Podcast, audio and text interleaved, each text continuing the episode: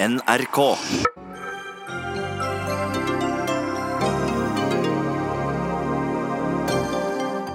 Protestene i Hongkong er eh, blant de kraftigste siden Storbritannia overlot roret til Kina.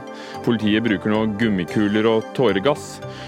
Og folk protesterer mot en utleveringsavtale med Beijing. Hvorfor kjemper de en kamp som sannsynligvis er tapt? Vi møter en av demonstrantene ganske snart her i Dagsnytt 18.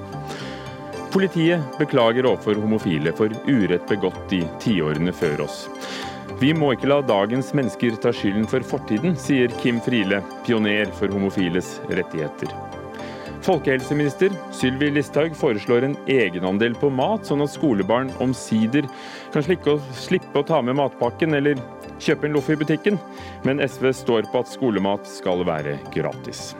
Og staten vil ikke dekke tapet for to brødre som ble frastjålet penger av vergen sin. SV krever endring i reglene straks, men regjeringspartiene vil utrede hva det kan føre til.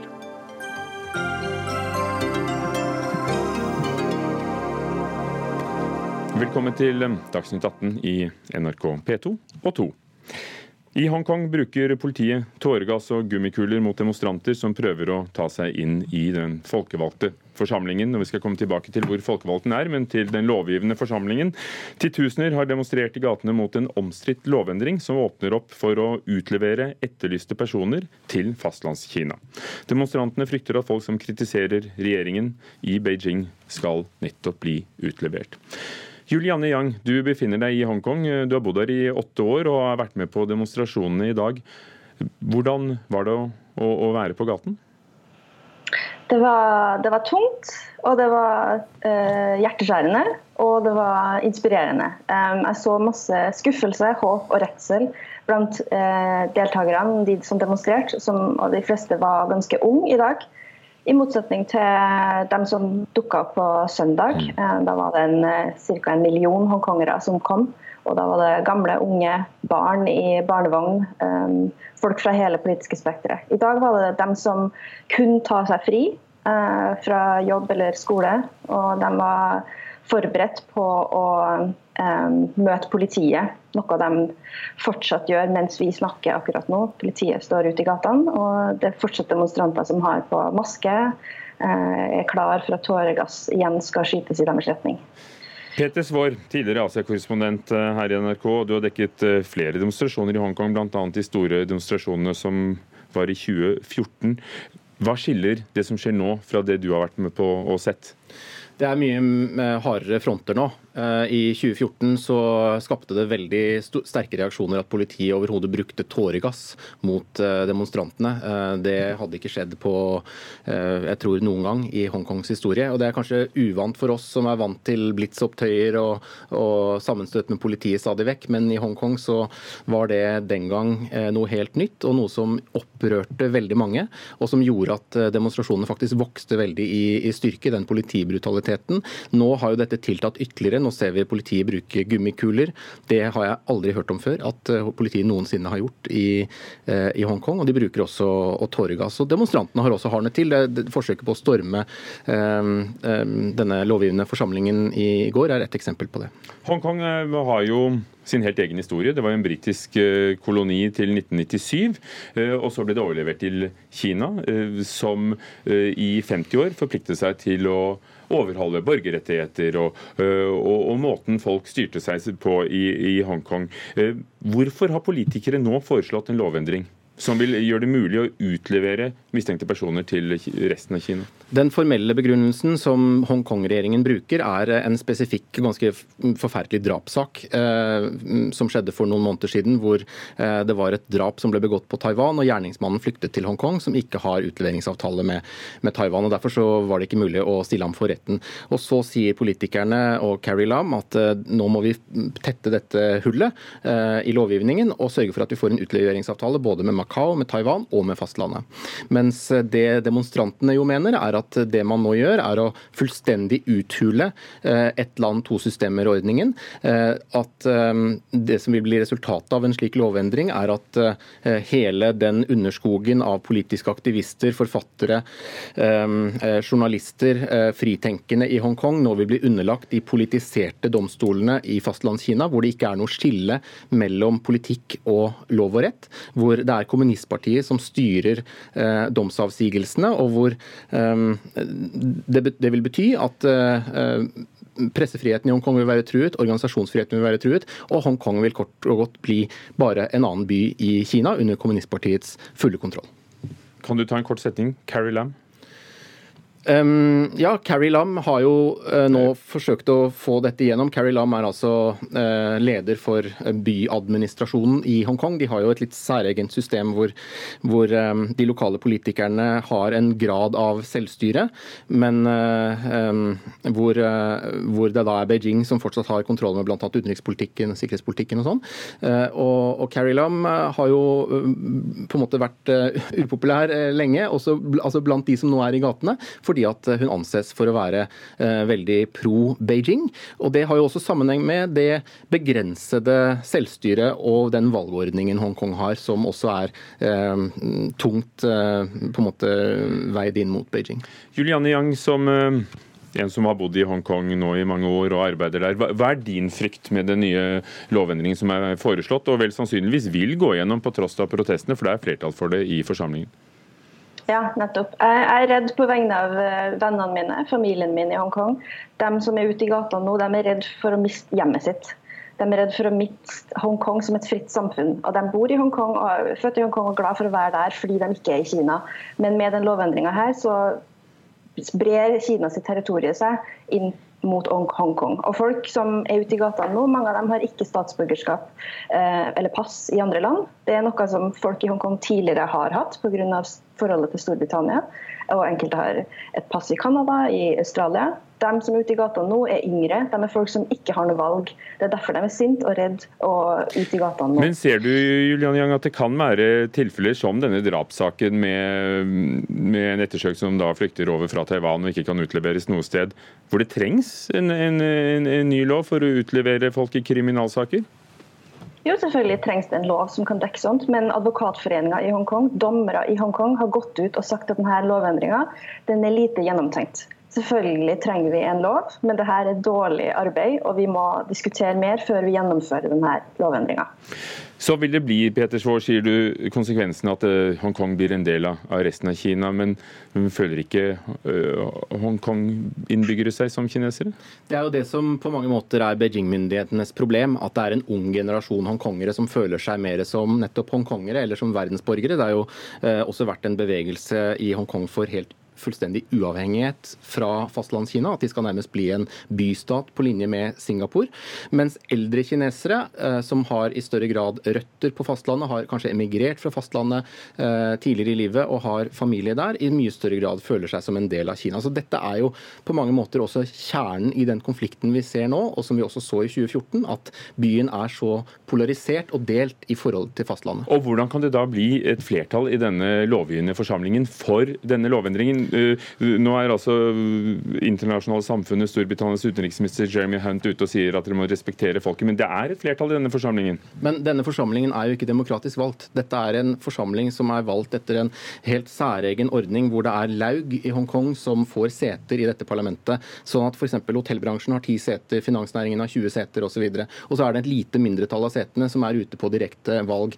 Og disse setene er, eller de representantene er i all hovedsak pro Beijing fordi at eh, næringslivet i Hongkong, de som, eh, de som eier og styrer byen, de, og som ønsker å tjene penger, de er eh, tilhengere av, av, av Beijing-styret. Så det er, det er, grunnen til det, at det rett og slett ikke er et reelt demokrati som ligger til grunn for hvem som er valgt inn i, i den lovgivende forsamlingen.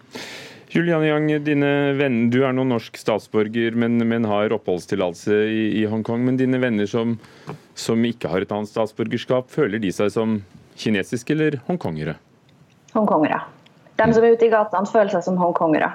Og Det er det som er problemet nå for dem. at De føler seg som hongkongere, men de føler at de må emigrere. de planlegger å snakke aktivt om hvordan de skal komme seg vekk fra Hongkong hvis denne lovendringa gjennomføres. Tror du det er en kamp som kan lykkes? Tror du folke, eh, folkene i gatene kan påvirke denne forsamlingen, selv om flertallet i forsamlingen er av en annen mening? Det kan jeg ikke uttale meg om. Jeg kan bare si det at demonstrasjonen i dag leda til at eh, det møtet eh, styresmaktene skulle holde, det ble utsatt. Men om de vinner, det kan ikke jeg uttale meg om. Og Det er mange av dem i gatene som sier at de ikke tror det kommer til å lede til noe, men de likevel må ut i gatene, for det er deres plikt å beskytte rettighetene sine. Det er En ting som blir interessant å følge med på nå, det er hvor Eh, høylytte britiske politikere kommer til å bli. Fordi eh, Hongkong styres jo nå etter den såkalte sino-kinesiske eh, sino-britiske samarbeidsavtalen fra 1984. Den ble signert i sin tid av Margaret Thatcher.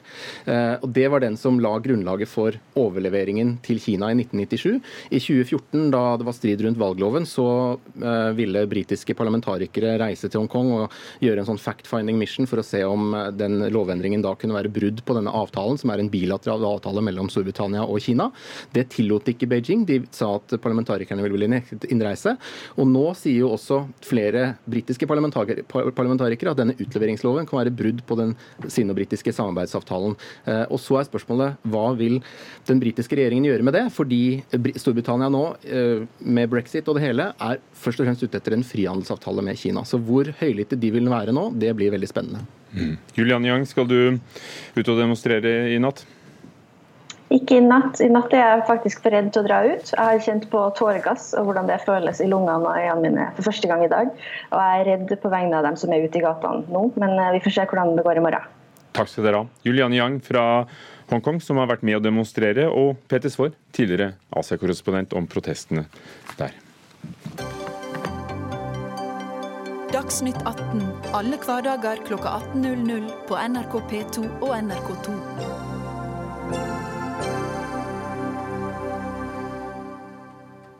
Det var en tid da homofile i Norge fryktet politiet. Med god grunn. Flere var blitt banket opp, hundset med og plaget. I dag ber politiet om unnskyldning for urett og trakassering de har utsatt eh, homofile for opp gjennom historien. Benedicte Bjørnland, politidirektør. Hvor lenge pågikk dette? Nei, Vi savner vel forskning som kan eh, belegge det eh, bildet du beskriver der. Men eh, vi er jo kjent med historier eh, om at eh, homofile har vært utsatt for trakassering av politiet, selv om det er en del tiår siden. Eh, og jeg tenker at hvis det kan lindre overfor personer som lever i dag, at vi sier beklager og unnskyld, så gjør jeg gjerne det. Vi har bidratt til å bygge opp under og skape frykt, sier dere i dag. Du sier det mangler forskning, men kan du si litt mer om, om hvordan dette da foregikk i, de, i disse tiårene? Det er vel mer historier som er eh, gjengitt i eh, etaten, eh, og hvor man har hørt beretninger om at politiet, etter at straffeloven var endret slik at det ikke lenger var straffbart å bedrive såkalt homofil praksis, at man like fullt eh, fortsatte å oppsøke f.eks. miljøer hvor man eh, visste at homofile befant seg, og skremte de og plaget de. Hmm. Svein Skeid, homohistoriker og aktivist i mange tiår. Hva synes du om unnskyldningen fra politiet? Jeg er veldig Det er veldig streit, veldig bra av politiet å komme med en, eh, en eh, uforbeholden unnskyldning. Eh, fordi eh, meg selv inkludert, så har eh, klart, som, som, som, som eh, sjef, politisjefen er inne på, at vi er påført både ja, vi er påført traumer og, og ydmykelse gjennom veldig mange år. For Noe av, dette, noe av, av, saken her er jo at dette ble jo nettopp ikke loggført. Uh, men hvilke, uh, som en som da har sett på nettopp uh, skeiv historie, hva var det som foregikk? Hvorfor var folk redde for politiet? Problemet var jo at de aller fleste anmeldte, turte ikke å anmelde overgrep fordi at de var skjult. Men de få som turde å anmelde overgrep, de fikk ikke lov til å anmelde pga. politiets holdninger. I stedet ble de sjikanert og kalt uh, altså samme, samme skjellsordene som, uh, som uh, pøbelen brukte. Soper. Kim, som også kommer her, har vel fortalte vel i 2015 på lanseringen av boka hennes 'Kampene' om hun ble kalt Da hun ble slått ned brutalt i 1978, så ble hun kalt lesbefaen av politiet. Vi skal ha med nettopp pioneren Kim Friele ganske snart, som sitter i telefonrøret og venter. Men Bendikte Bjørnland, politidirektør, hvorfor kommer denne unnskyldningen nå?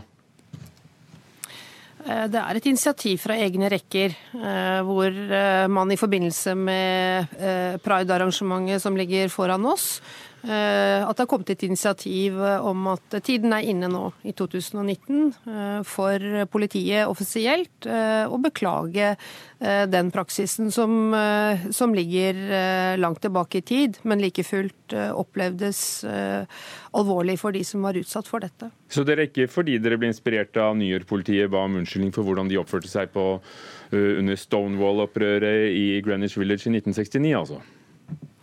Eh, nei, det er nok mer en kobling som er gjort av mediene, tror jeg. Jeg har eh, opplevd at dette har kommet et, eh, som et initiativ forut for det vi har sett fra New York-politiet. For det kom i forrige uke, og da er det vel noe i tiden, da, Kim Friele? Homoaktivist og pioner på homofile rettigheters vegne. hva synes du om en unnskyldning som dette fra politiet? Jeg, jeg syns det gir veldig gode signaler til dagens ungdom. Eh, men, men, vi har noen gang et ordtak som heter at fedrenes synder må aldri ramme barna. I dette tilfellet vår tids politi. Men man må huske på at politiet den gangen på 60-70-tallet, jeg har jo opplevd mye selv, de var jo de var ikke noen øde øy hvor det var en masse stygge mennesker som gikk ut og forfulgte homofile. De ble påvirket av politikernes holdninger, av psykiaternes holdninger, av kirkens holdninger. Og de er jo alminnelige mennesker. Og det er klart at disse holdningene de tok bolig også i politiet, som pga. sin stilling hadde muligheter til å få utløp for sin forakt. Nå har altså dagens politi frivillig kommet ut av skammekroken og Ære være dem for det. Vi skal ha de med i paraden vår òg. Ære være dem for at de ber om unnskyldning. Men de ber om unnskyldning for forfedrenes synder. Vi må ikke glemme at dette er ja, 30 år siden, noe sånt. 20 iallfall. Jeg skulle nå ønske at budskapet til politiet og motet til politiet om å komme ut og på sine forfedres vegne be om tilgivelse, at det må nå finne veien til Kirken med sin eh, synd og fortapelse, til psykiaterne med sin sykdomsdiagnose, som mange ennå opprettholder i privatpraksisen fordi om det er avdiagnostisert, og til våre lovgivere som skaper holdninger gjennom både å oppleve lover og innføre lover. Mm. Så det betyr da, Kim Friele, unnskyld at jeg avbryter deg, men når du etterlyser eh, en lignende holdning fra psykiatrien, fra kirken, så mener du at en sånn unnskyldning har en verdi? At det er viktig for deg? Ja. Ja. Jeg tror det har en verdi. Det har en verdi. Husk da jeg vokset opp to generasjoner etter jeg kom ut av skapet for 59 år siden. Det er vokset opp to generasjoner. Og dessverre er historieløshet eh, et faktum. Men det kan det være hos oss eldre òg. Historieløshet. Og det vil bety mye fordi bare å få vite at det ikke har vært lett, at ikke de gode dagene og de fine tingene er kommet rennende på en trefjøl, men at folk faktisk er blitt banket opp, og at folk har stritt for å komme dit vi er i dag. Mm. Men ære være politiet. Men jeg er litt tvesynet på at barn skal be om forlatelse for fedrenes uh, synder og og trakassering. Men du setter altså pris på det også. Benedikte Bjørnland, disse barna det er jo bl.a. Uh, yngre politifolk som har gått i bresjen og i flere tiår nå har kunnet gå i uniform uh, i, i, paraden tidligere under Skeive dager, som det het, nå under pride. Hvordan har denne forandringen vært? For det må vi vel kunne si at det har vært? Ja, jeg vil jo si at det har vært veldig ønsket at vi er blitt et eh, mangfoldig politi som speiler befolkningen. Vi har jo tatt aktive grep for å få det til. Så vi har jo eh, i stillingsannonser og utlysninger så søker vi etter personer som eh, har annen bakgrunn enn streit. Eh, homofile og lesbiske er hjertelig velkommen i norsk politi i dag, og vi har mange av de. Mm. Svein Skeid, hvordan har denne kampen vært? Det kom ikke på rekene på en fjøl, som Kim Friele sa? Dette har vært en lang prosess hvor ikke minst homofile politimenn har spilt en stor rolle. Bård Stensli og Ruud Larsen f.eks. Ja, to som har gått i bresjen for, å, for det som skjer i dag? ja. Eh, når det gjelder sånn, eh, at dette bare tilhører fortiden, så, så, har vi så sent som i 2006 så, så nektet politiet faktisk å, å godta hatkriminalitet som noe grunnlag for vold mot homofile. Eh, og i paraden, den aller første paraden under Europride i 2005, da hadde Da var jo Bård Stensli med. og de, de var tolv stykker i uniform. Vi fikk lov av Killengren til å ha uniform. Og øh, når de da passerer sine kolleger som skal passe på å være sikkerhetsvakter, så snur disse kollegene ryggen til de homofile som går i paraden. Men det må vel også være ok å mene at eh, en offentlig etat ikke skal markere seg i demonstrasjoner uansett hva de er for eller mot? I mine øyne så er det et uttrykk for en Altså de, eh, Stensli og, og, og har, har, vel også sagt noe om at eh, det er en, en machokultur i politiet. Nå refererte du til ham igjen, og vi må bare si at vi prøvde å få tak i ham, men han er faktisk på kveldsvakt. Så du har ivrige folk, Benedicte Bjørnland. Er det, er det, viktigere, vil du si, at dagens politi støtter opp om homokampen enn å, enn å si unnskyldning for fedrenes synder, som Kim Friele eh, snakket om? Altså homo og pride, som du snakket om?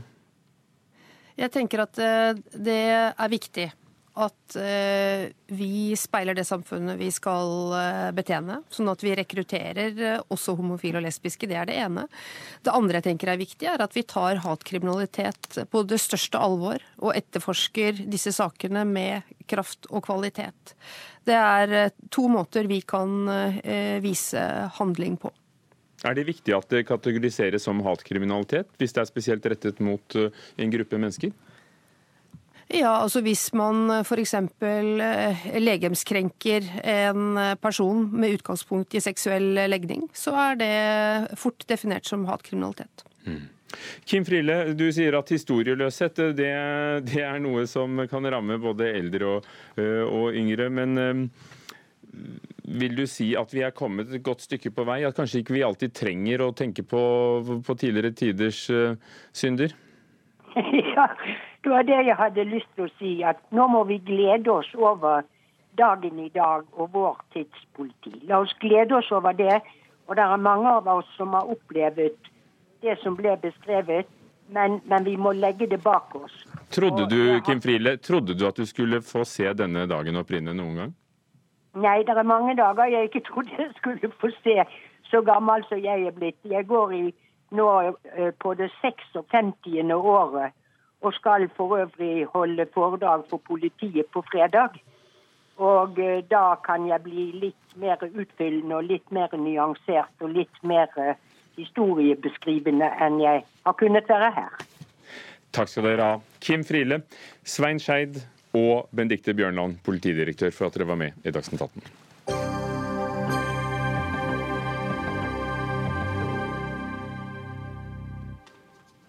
Hva skal til for at elever får um, mat på skolen, ja kanskje til og med varm mat, og ikke trenger ta med matpakken? Eller gå og kjøpe seg noe usunn mat i butikken?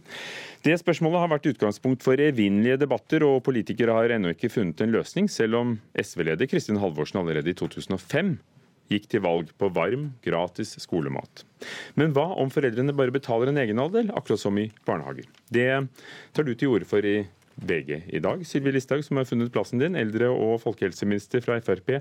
Hvorfor er det den løsningen som kan kan få en ende på det, at vi kan få skolemat? Jeg tror veldig mange foreldre er fantastisk glad når man har muligheten til å betale litt ekstra og så få mat til ungene sine i barnehagene. Jeg har jo sjøl en liten pjokk som eh, går i barnehagen, og som vi vel selvfølgelig betaler noen hundrelapper eh, for skal få mat eh, hver måned. Så begynner ungene på skolen. Der kan du da få kjøpt frukt, du kan få kjøpt melk, men du kan ikke få kjøpt mat. Og jeg tror det hadde vært et kjærkomment bidrag for mange foreldre hvis man hadde mulighet muligheten til å kjøpe mat til barna sine gjennom en sånn ordning. Selvsagt må man da ha også ordninger som ivaretar de som har dårlig råd. Eh, det er opp til kommunene å bestemme hvordan en sånn ordning skal eh, tilrettelegges eh, da, i praktisk. Men jeg tror at mange hadde syntes det hadde vært veldig, veldig bra. Hvordan kom du på tallet mellom 300 og 500 kroner? Ja, Det er jo det som er vanlig i barnehagen, å betale for tilsvarende ordninger. Og det er jo sånn at det er jo ikke gratis å sende med barna mat på skolen i dag heller. Man må betale for brød og pålegg og kanskje en yoghurt og det som man ønsker å sende med der. Eh, så det handler bare om å bruke pengene istedenfor på å kjøpe mat sjøl. Så uh, sørger skolen for å, å, legge til rette for det. Og det vil også gi alle kommunene, nei, alle barna god ernæringsrik mat. Audun Lysbakken, leder i SV. Dere har jo et forslag om gratis skolemat um, denne uken oppe i Stortinget. og Dere kommer jo ikke til å få flertall. Ville ikke dette vært en løsning som kunne sikret et flertall og mat til alle barn? Altså Nå har jo ikke regjeringen fremmet et sånt forslag, det er et utspill i VG. Men jeg vil, jeg vil, ja, ja, men jeg vil jo si at altså, Bare det at høyresiden er villig til å diskutere skolemat, syns jeg egentlig er bra. Altså SV har snakket om det i 15-20 år, og det er jo ingenting vi har blitt så utskjelt og latterliggjort for som eh, kampen for eh, skolematen. Så jeg syns det er fint at også folk på høyresiden nå ser at det ville være viktig for folkehelsen. Det ville være et eh, steg fram for norsk skole, og mange barn trenger et sunt måltid på skolen. Men nøkkelordet deres er gratis? Nemlig Nemlig, Det vi trenger er jo likevel en gratis reform, Fordi en av de viktigste grunnene til å innføre et skolemåltid, det er å gjøre noe med den situasjonen vi har i dag, hvor altfor mange norske barn ikke spiser på skolen, ikke har med seg mat på skolen. Men gratis, gratis som... står der, men varm ble borte. Bør ikke være varm lenger. som, Nei, som Vi har aldri foreslått at den måtte være varm. Uh, og det er jo rett og slett pga. måten norske skoler ser ut. Altså Det er jo godt med varm mat, men vi kommer langt med et sunt brødmåltid og frukt og grønt. Og det er på veldig mange norske skoler Hva er faren med, med, egenandel? Det fungerer jo tydeligvis både i barnehagen og i Aksel SFO. Det fungerer jo ikke spesielt godt, fordi det ofte blir byråkratiske ordninger. Det er ikke alle som får eh, være med. Uh, og uh, det Hva mener du med det? Ikke alle som får være med? Nei, fordi at Eh, vi vet at den typen eh, søknadsbaserte ordninger f.eks. ikke alltid treffer alle. Eh, og vi vet at universelle ordninger som regel er det beste for å løse et utjevningsproblem. Og dette handler også om utjevning. Men så har det jo en... Ok, Større forskjeller, Sylvi Listhaug? Tvert imot. Dette vil jo gi alle barn muligheten til å få mat. For som jeg understreker, så må det selvfølgelig være ordninger for de som har dårlig råd. Men da blir det byråkratisk, og det liker dere jo ikke i Frp? Byråkratisk, det, Man greier jo det i barnehagen. Det er ikke spesielt byråkratisk gratis. Jeg får en slipp eh, der jeg betaler for barnehageplassen pluss da en eh, tilleggsregning for maten. Ganske så enkelt og greit, og det må han kunne greie å tilrettelegge for på skolene med. Og Hovedpoenget er at jeg tror veldig mange norske foreldre skulle ønske at barna fikk tilrettelagt måltidet på skolen, sånn som man gjør i barnehagen. Eh, at de kan få god og ernæringsrik mat. At det skal være et tilbud. Så i denne meldinga, folkehelsemeldinga, så viser regjeringa til det at det er skoler som får det til i dag også med foreldrebetaling. Også der man ivaretar de som har lite og som ikke har råd til å betale det sjøl, og der man er strålende fornøyd. For Det er vel der du mente at det kom, ble byråkratisk, Lysbakken. Altså for dem som ikke har råd, eh, eller vil kan ta seg råd, så må du ja, men, men, den viktigste er at sånn, det er fornuftig å innføre et skolemåltid som del av skoledagen. Og Den norske skoledagen skal være gratis uh, og lik for alle. Det må være et grunnprinsipp. Vi har råd til en sånn reform. Og det er litt underlig å høre Fremskrittspartiet, som ellers altså for tiden har, eh, mener vi har penger til å slette 100 milliarder kroner i bompengegjeld, som har så mye penger til eh, de aller rikeste i Norge, mener at akkurat det her, å sørge for et sunt, likt ett godt måltid til alle barn i norsk skole, som faktisk ikke er en så vanvittig dyr velferdsreform, det skal vi liksom ikke ha råd til. Og jeg mener i hvert fall at jeg understreker at De som sier at Frp ikke kan prioritere, tar feil.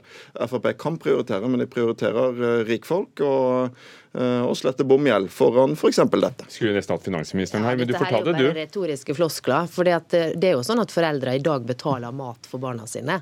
Bare at de gjør det da eh, gjennom å handle inn sjøl, lage matpakke og sende med dem på skolen. Men gratisprinsippet i, i grunnskolen er, eh, er, er, jo der. Ja, men vi, det, det, er jo sånn at vi betaler for maten uansett, så, så, den maten må man finansiere uansett. Men Skulle det vært en frivillig ordning også for foreldre? altså At kommunene finner sine egne løsninger? Men skulle foreldrene også kunne sagt at ja eller nei takk? Ja, kommunene må jo bestemme hvordan de retter inn det, sammen med foreldre og skolene, og, og, og, og finne ut av hvordan man vil gjøre det. Men å sammenligne med bompenger, altså her er det snakk om å finansiere noe som du får til barna dine, som du finansierer direkte.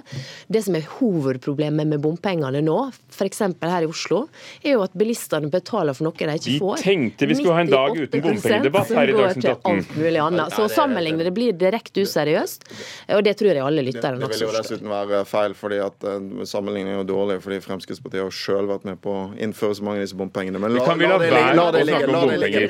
Audun Lysbakken og Sylvi Listhaug, kan, kan vi skru klokken litt tilbake?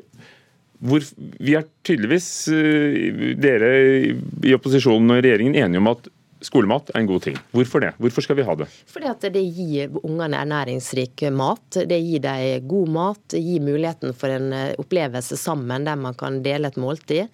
Og nesten alle europeiske land har tatt seg råd til å gjøre det. Eh, hvorfor kunne ikke vi, som Lysbakken sier, også prioritert det inn? Til slutt så blir det en helt naturlig del av skolebudsjettene, og uten foreldrebetaling. Det er fordi at det, vi, det er veldig mange ting som skal finansieres. Vi trenger flere sykehjemsplasser, eldreomsorg framover. Vi trenger å ta vare på forsvaret vårt, styrke det vi trenger et eh, ruste opp politiet.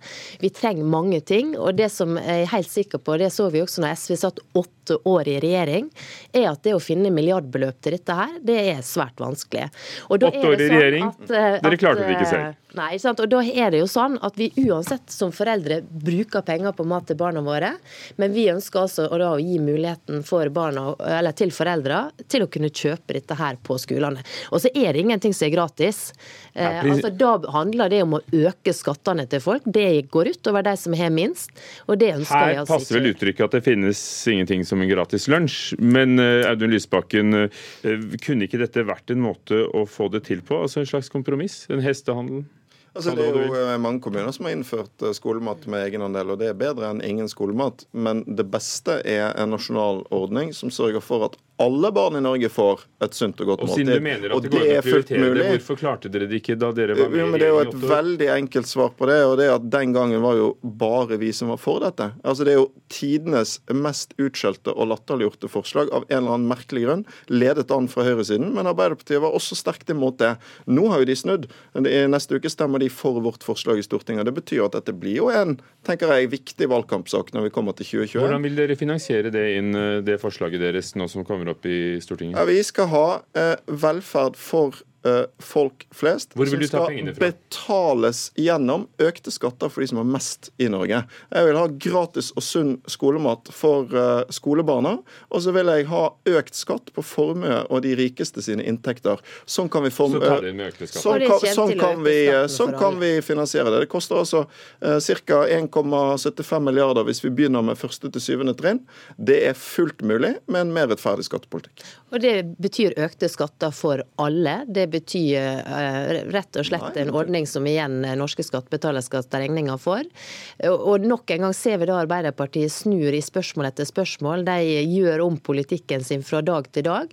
Og det det betyr, er jo det at hvis de skal styre landet, så får man økte skatter men, over en lav sko.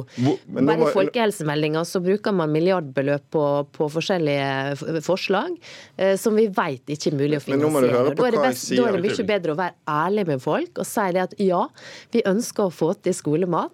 Men vi ser det at det er mange andre prioriteringer som gjør at det, hvis kommunen finner ut at det ikke kan bruke penger på dette her, ja så prøv å finne løsninger lokalt. Sånn at foreldre kan istedenfor å kjøpe inn pålegg og brød og yoghurt og alt mulig og smøre matpakken hjemme, så kan man faktisk bruke de, de pengene Men vi er et langt stykke på, fra, fra, Sverige hvor ernæringsfysiologer setter sammen ukemenyen, og, og, og dette er et Ja, det er vi. Jeg en nasjonal ønske, plan for det hele? Jeg skulle ønske vi var der, men vi må ha en nasjonal plan for det hele. og det er det som er forskjellen. Altså, for det første må jo Sylvi Listhaug høre på hva jeg sier, ikke det hun skulle ønske at jeg sa. For jeg sa ikke at vi skulle finansiere dette gjennom økte skatter for folk flest. For SV foreslår lavere skatter på vanlige inntekter enn det regjeringen gjør.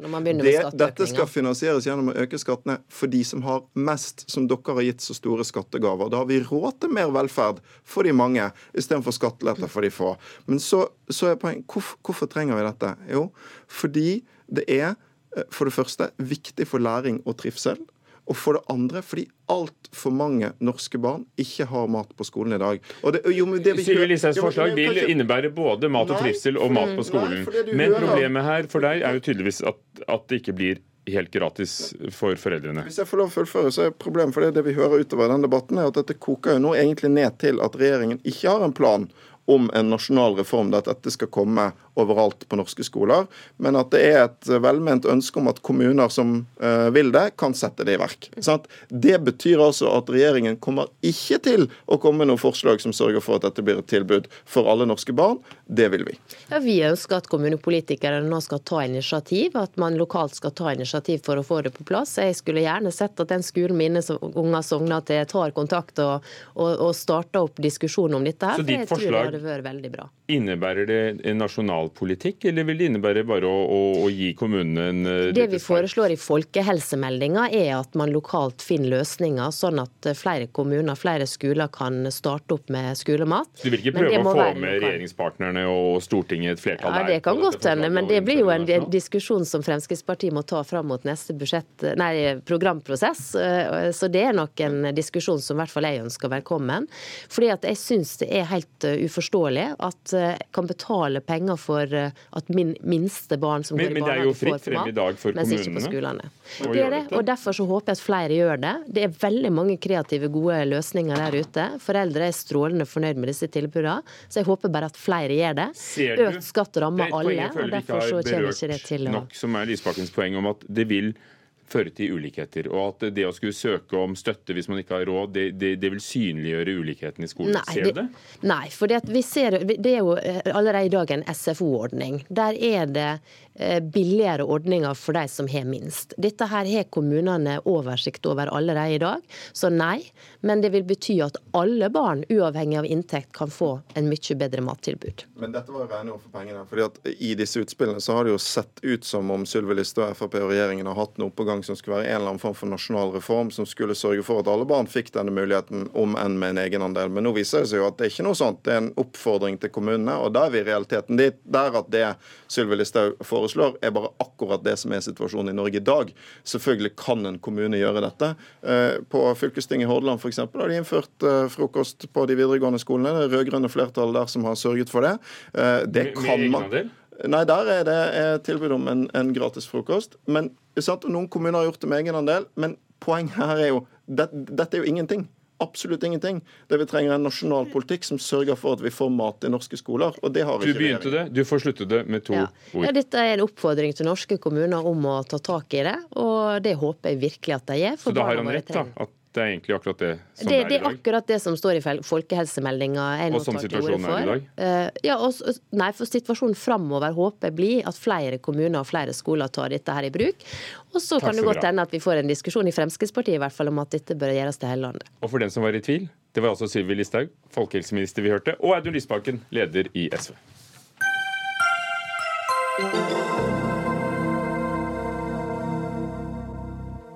Vi fortsetter med en fra regjeringen og en fra Stortinget, denne gangen Arbeiderpartiet. Det handler om økonomien.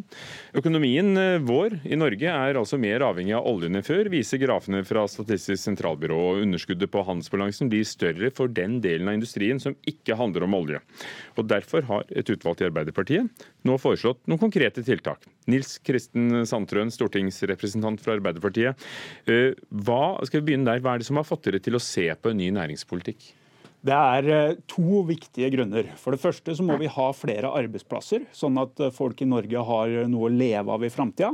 Og Samtidig som vi nå skal få antall arbeidsplasser opp, så skal vi òg få utslippene våre ned. Men du, Dere er veldig opptatt av, av, denne statistikken som viser at uh, handelsbalansen vår er mer avhengig av oljen enn en var i årene før? Det er helt riktig. Fordi vi har hatt en debatt gående for uh, noen år nå om uh, såkalt omstilling. Og I norsk økonomi så betyr jo det da i praktisk sammenheng at vi skal få mer verdier ut av det vi produserer av næringsvirksomheten og industrien utenom petroleumsvirksomheten. Og Det vi dessverre ser, er at verdien av det vi produserer i Norge relativt til det vi importerer, den blir mindre. Det er handelsbalansen for utenrikshandel. Og Det betyr at den omstillinga som vi skulle nå ha fått i stort monn, den har dessverre uteblitt. Og Da foreslår vi helt konkrete grep for å sørge men, men, men, Du skal få lov til å si dem. Torbjørn Røe Isaksen, eh, nærings- og fiskeriminister fra Høyre. Eh, skal vi begynne der? Er du enig i faktagrunnlaget? Eh, vi er blitt mer avhengig av oljen. Når vi trekker ut Nei, alt annet, så jeg, jeg, tror, jeg, tror nok, altså jeg er enig i at vi er for avhengig av olje- og gassindustrien. Og at Norge trenger flere bein å stå på. og det har vært jo, men at den grafen med handelsunderskuddet, når du trekker ja, altså, fra alt som har med olje å gjøre, går nedover? Ja, men den, viser, altså, den grafen viser vel først og fremst at oljeprisen går opp. og det er klart Norsk økonomi er veldig sårbar for svingninger i oljeprisen. Men det er også riktig at relativt til, eh, til andre land så har ikke eksportvolumet vårt, vårt, gått opp.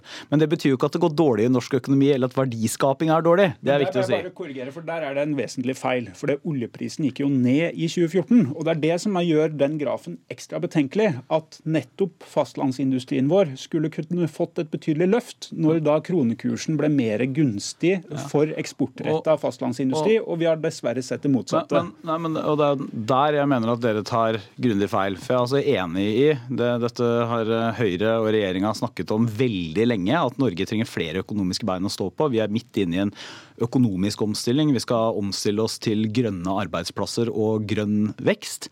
Men norsk industri går nå bra.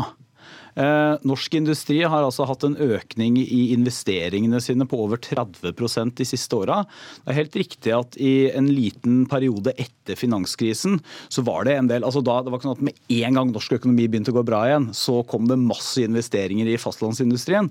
Men på alle barometerne og tallene for fastlandsindustrien nå, så går den bra. Og så mener jeg at Arbeiderpartiet begår en annen bommert også, for at de snakker som om norsk industri ikke omstiller seg. Men det er bare å reise rundt et hvilket som helst industrisamfunn i Norge. og se at Der har det vært omstilling i 30 år. Og det er få som har vært så flinke på å ta i bruk ny teknologi, få ned utslipp, rense punktutslipp og nå se på hvordan de skal bidra til det grønne skiftet, som nettopp norsk industri. Den Sandrøn. Eh, feilen må vi korrigere, ja. For det, det, er helt riktig. Det er masse dyktige arbeidstakere. Vi har offensive bedrifter i Norge. Og det er mange gode eksempler. Det er helt korrekt. Poenget mitt det er at volumet og sjølve makrotallene må bli enda bedre hvis vi skal være sikre på at vi har en velferdsstat når inntektene fra oljen blir mer usikre. Men, men, men, men, bestrider du det Isaksen sier, at Nei, han, det, går, han det litt, går godt? Han er litt lettvint i tallsammenhengen. For det er klart at det har vært en liten bedring, og så ser vi nå neste år at SSB forutsier at eh, investeringene kanskje flater ut. Poenget, okay, men hva er det dere vil, da? Dere har hatt uh, landsmøte, yes. og dere har hatt en egen distriktskomité, ja. og foreslått tre konkrete tiltak ja. for industrien. Hva da? Nettopp. Tre av dem som vi foreslår. Det er én, vi må sørge for at bioøkonomi, altså dvs. Si verdier som vi klarer å skape ut fra havet, fra jorda, fra skogen, og kan få en risikoavlastning i tidlig fase. Det har vært veldig eh, vellykka virkemiddel innenfor store deler av norsk nærings- og industripolitikk. Ja, dere vil investere statlige penger i industrien, er det det du sier? Ja, Det vil si at man kanskje får et eh, ekstra økonomisk stimuli i tidligfasen som en bedrift. Og så Punkt nummer to. Det er en mangel innenfor næringspolitikken i dag når det kommer til de store satsingene. Innovasjon Norge er f.eks. gode på å hjelpe til i tidlig fase, men når folk har gryteklare, gode prosjekter, så stiller ikke bankene opp, og det er ikke heller noe godt virkemiddel fra det offentlige. Og så punkt tre, som Jonas sa i landsmøtetalen. Enova det er jo et viktig virkemiddel for å skape da en omstilling eh, grønt i Norge. Og Jonas sa at for lite av klimapolitikken har utvikla næringslivet videre. Og Derfor så sier vi at vi må bruke Enova enda mer offensivt som et viktig verktøy i industri og næringsutvikling. Og Det er mulig du er dus med, med Jonas, men det er altså Jonas Gahr Støre, Ap-leder. Eh, Isaksen? Um, ja. ja. ja dette er da klassisk jeg kan svare, verktøy, kan svare punkt for punkt. Ja. Bioøkonomi i og for seg enig, men dette har vi allerede. Det var denne regjeringa som leverte en bioøkonomistrategi. Fire milliarder kroner eller mer går fra virkemiddelapparatet vårt til bioøkonomi, som da er f.eks. skog, fisk, altså bioressurser. Så du, er, du, vil gjerne bruke statlige penger på å sprøyte inn industrien? Ja altså, ja, altså jeg er jo for, og Høyre er for, regjeringa er for, at vi skal f.eks. gå inn og gi bedrifter som er i en oppstartsfase, trenger risikoavlastning, at de skal få støtte.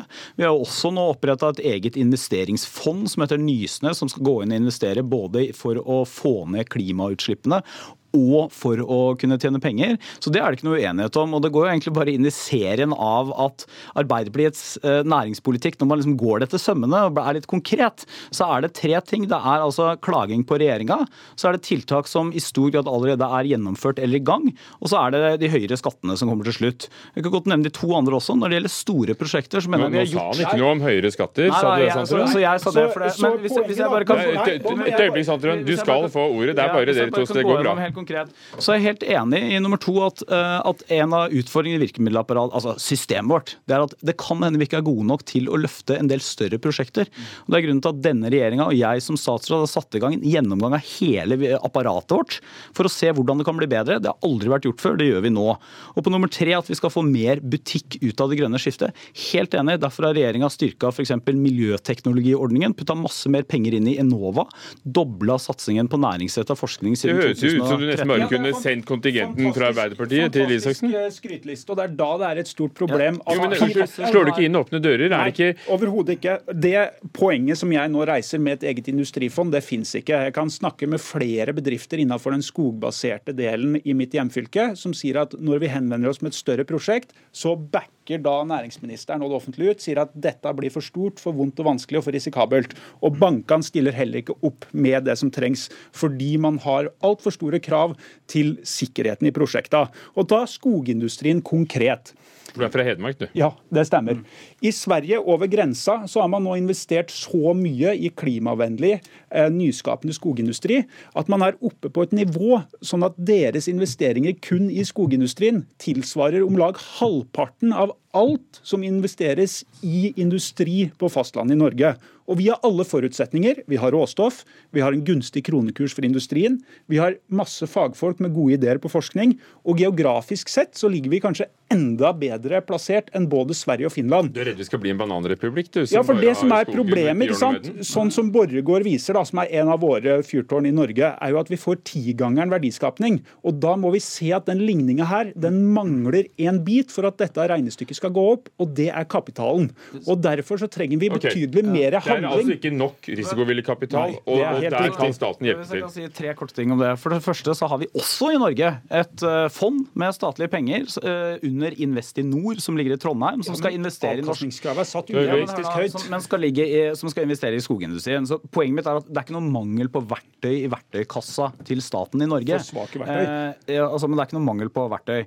Punkt to, så er den sammenligninga med Sverige den er liksom, interessant på mange måter, men den er ikke veldig god. For at vi har masse som Sverige ikke har. F.eks. en svær maritim næring. Vi har en svær oppdrettsnæring. og Det gjør nok også selvfølgelig at en del av investeringskapitalen og forskningen og sånn går dit, ikke bare til skog. Punkt tre, bare tilbake til det jeg sa i stad. Det var denne regjeringa som la fram en bioøkonomistrategi, ikke forrige regjering. Det er denne regjeringa som styrker virkemiddelapparatet nettopp for å få mer verdiskaping og mer miljøvennlige løsninger også ut av de fantastiske skogressursene vi har. Og nå vil de ha enda mer? Jo, men det, er altså, helt, det, er helt greit at, det er helt greit at Arbeiderpartiet i opposisjon vil ha enda mer, men når man liksom forsøker å gå så høyt på banen i næringspolitikken, så må det jo være noe som enten er, eh, altså enten er noe nytt eller noe som ikke er igangsatt.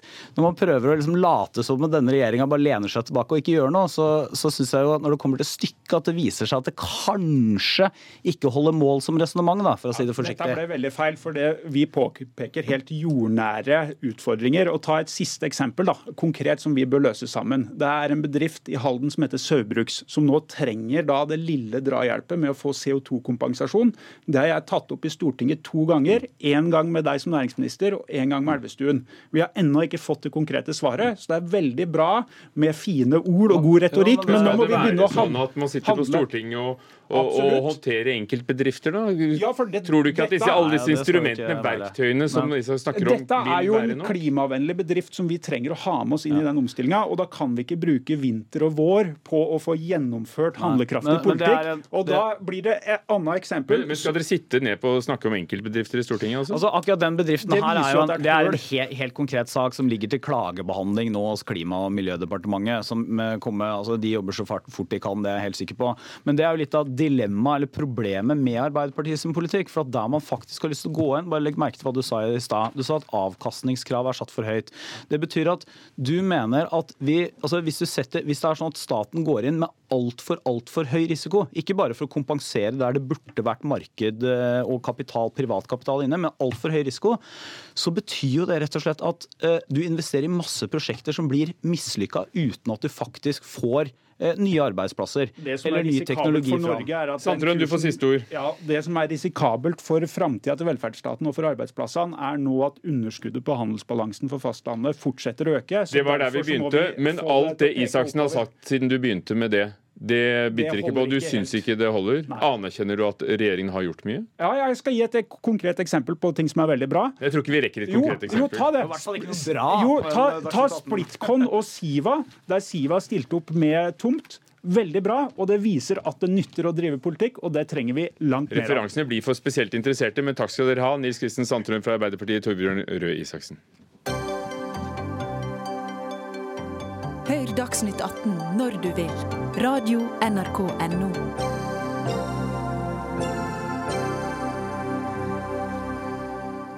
De to utviklingshemmede brødrene i Trondheim, som ble frastjålet 130 000 kroner av sin egen verge, får ikke dekket dette tapet av staten. Det ikke-sosialistiske flertallet på Stortinget støtter nemlig ikke forslaget fra SV om at staten må trå til dersom verger gjør noe sånt.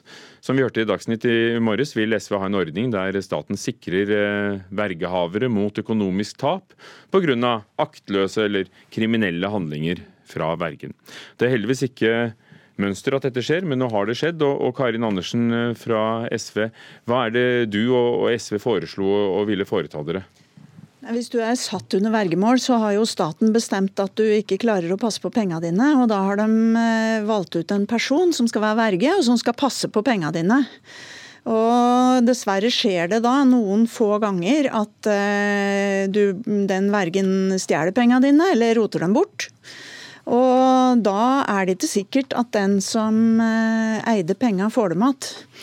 Og det vi mener er ikke noe mer enn eh, rimelig, er at staten tar ansvar for det. Og så får jo staten i ettertid gjøre opp med vergen. Eh, hvis vergen lever og har eh, penger igjen, ikke sant. Men problemet nå er jo at det er den som er satt under vergemål, som må hevde retten sin. Og hvis staten nå ikke liksom har passa godt nok på, da, så kan den kanskje få igjen penga. Men eh, da må staten ha gjort en feil.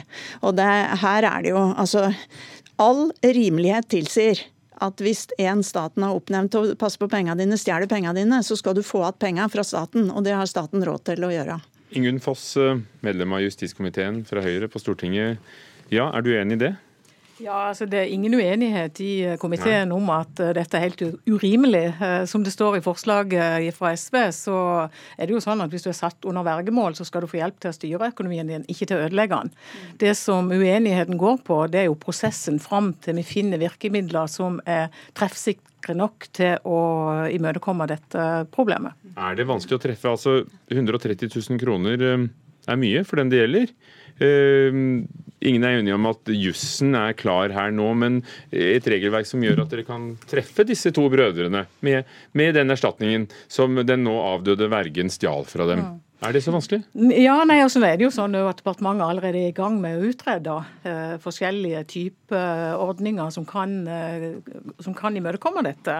Og eh, Forslaget til SV eh, krever utredning, det er jo vårt helt klare syn.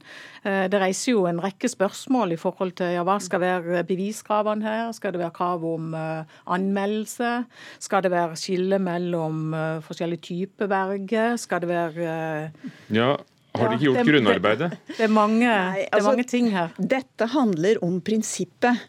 Når et menneske er satt under vergemål av staten, og den som staten har satt til å passe på penga dine, rundstjeler deg, så må staten gå inn og dekke det tapet. Og så får staten eh, finne ut av eh, om vergen skal betale tilbake, eller hva som har blitt feil i ettertid. Dette er ikke spesielt vanskelig, og det vi har bedt om nå, er å slå fast det prinsippet.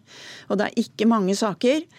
Og det kan Altså, det, er eh, helt urimelig at folk skal, som da er satt under vergemål, sjøl skal måtte styre med erstatningsordninger. Ja, altså, Sivilrettsforvaltningen har avslått kravet, ja. samme gjorde justisministeren, ja. fordi det ikke er staten som hadde gjort noe feil etter regelverket i dag. Nei, men, men Hva blir konsekvensene eh, hvis disse regelendringene du vil ha ikke blir støttet? Nei, da vil det jo fortsette sånn som det er nå. Eh, og da vil jo vi måtte vente. De sier de har en utredning på gang. Ja, det er jo vel og bra, men hvor lenge skal det gå? Og hvor mange skal miste penga sine før vi får en ordning på dette? Og det er ganske enkelt. Staten tar det ansvaret for det tapet som vedkommende har lidd, og så får staten finne hvilke regler de da skal håndtere vergene med, om de skal pålegge vergene å ha forsikringsordninger, det er mange ting. Men prinsippet her må vi kunne være enige om, og det måtte vi kunne slå fast nå. Nemlig at ingen som er påført vergemål, skal måtte sitte igjen med et tap, slik som disse brødrene har gjort. Kort, hvordan ville dere gjort en regelendring, lovendring? Hvordan ville du gjort det som formelt først? Rett og slett bare si at i disse sakene så, det, så må staten erstatte det, og så får de ta et uh, oppgjør med vergene etterpå. Og da Ingunn Foss, så kunne vel Lovavdelingen gjort arbeidet sitt etterpå for at dere kunne begynt med prinsippet? Og så tatt uh, gått dere nærmere etter i sømmene? Ja, altså Hvis du leser SV sitt eh, forslag, så er det ikke fullt så enkelt som eh, Karin Andersen prøver å framstille det her. Det står f.eks. at uh, saker som skyldes handlinger minst tre år tilbake i tid. Og Da kan det jo seg ja, hvorfor akkurat den avgrensninga der? Og òg andre ting i forslaget som er ganske vidtrekkende i forhold til det som i dag er prinsippet om at det er skadevolder som er, som er forplikta til å erstatte. Så, så vi syns jo dette forslaget er ganske lite gjennomtenkt. og synes syns det òg med respekt å melde at eh, departementet må få tid til å gjøre utredninger, sånn at vi får en treffsikker ordning som ikke fører til utilsikta eh, eh, konsekvenser. Men nå ser vi jo nå Først så prøver altså Foss å late som om vi er enige om det. Og så argumenterer man med at det ikke er sånn. Og det som dette forslaget går ut på, er jo ikke at skadevolder ikke skal ha ansvar. Tvert imot. Det ansvaret må jo staten kunne gjøre gjeldende overfor skadevolder som er verge i ettertid. Poenget her er at den som er satt under verge, er jo maktesløs i dette. Har, man har jo ikke engang lov til å styre sine egne penger. Men, men eh, her er det jo mange små spørsmål som skal ja, ja, tas stilling til. Hvor langt tilbake i tid, hvordan skal det bevises? Altså, dere pleier da å jobbe grundigere enn dette når, Nei, dette når, dere foreslår noe? Dette kunne vi selvfølgelig ha diskutert i Stortinget hvis det var problemet. Men det er viktig å sette dette noe år, noen år tilbake i tid. Fordi den nye vergemålsordningen har virket noen år nå. Og nå har vi fått flere saker, det er jo ikke bare én dessverre, som viser at eh, de som er satt under vergemål, har blitt eh, rundlurt og rundstjålet. Og da mener jeg at det prinsippet, å slå fast det prinsippet, og så får regjeringa jobbe fort etter det og komme tilbake til Stortinget med det regelverket som må på plass. Vil dere jobbe fort? Da sikrer man. I hvilken ja. rekkefølge det skjer? Ja, altså Dette kommer så fort vi klarer å få det på plass. og Det er jo litt spesielt når Karin Andersen refererer til den nye vergemålsloven som kom i 2013, hvorfor det akkurat da skal være tre år tilbake i tid. Det kan godt være 2013 hvis vi blir enige om det. Så igjen så sier jeg at dette forslaget er ikke gjennomtenkt etter vårt syn. Og men, men ser du en sammenheng? Bør, eh, bør, eh, både med, bør ha i seg både det med avgrensning dette? og med tilbakevirkende kraft, f.eks. Da spør jeg dere begge, Bør vi se dette i sammenheng med den nye vergemålsordningen, som førte til nye og lavere satser, som førte til at det finnes noen verger som har veldig mange de har, eh, er verger for? Altså det, er, det, er, vanskelig å spekulere i om det er det, men det er mange sider ved vergemålsordningen som burde ses over og rettes på, og det er jeg glad for skjer. For det er helt dere? nødvendig. Men, men det vi burde bli enige om, er å slå fast det prinsippet. At Nettopp. ingen skal bli rundstjålet. Hvordan skal disse brødrene fra Trondheim få tilbake pengene sine? Eh, ja, først har jeg lyst til å si at Prinsippet er jo at den som påfører skaden, er den som er ansvarlig for, eh, Han er død. for ja. han er død, ja. Og som sagt så er det et, et lite område innenfor dette med vergemål som vi nå er i gang med å utrede, og vil komme til treffsikre ordninger for å ivareta sånne typer saker. Det finnes, det finnes ingen rettferdighet i at de som er påført Takk. vergemål, skal tape penga. Karin Andersen fra SV, Ingunn Foss fra Høyre i justiskomiteen. Det var Dagsnytt 18. Stein Nybakk var teknisk ansvarlig. Tarjei Krambikken var ansvarlig for det hele, og Ugo Fermarello programleder. Takk for i dag.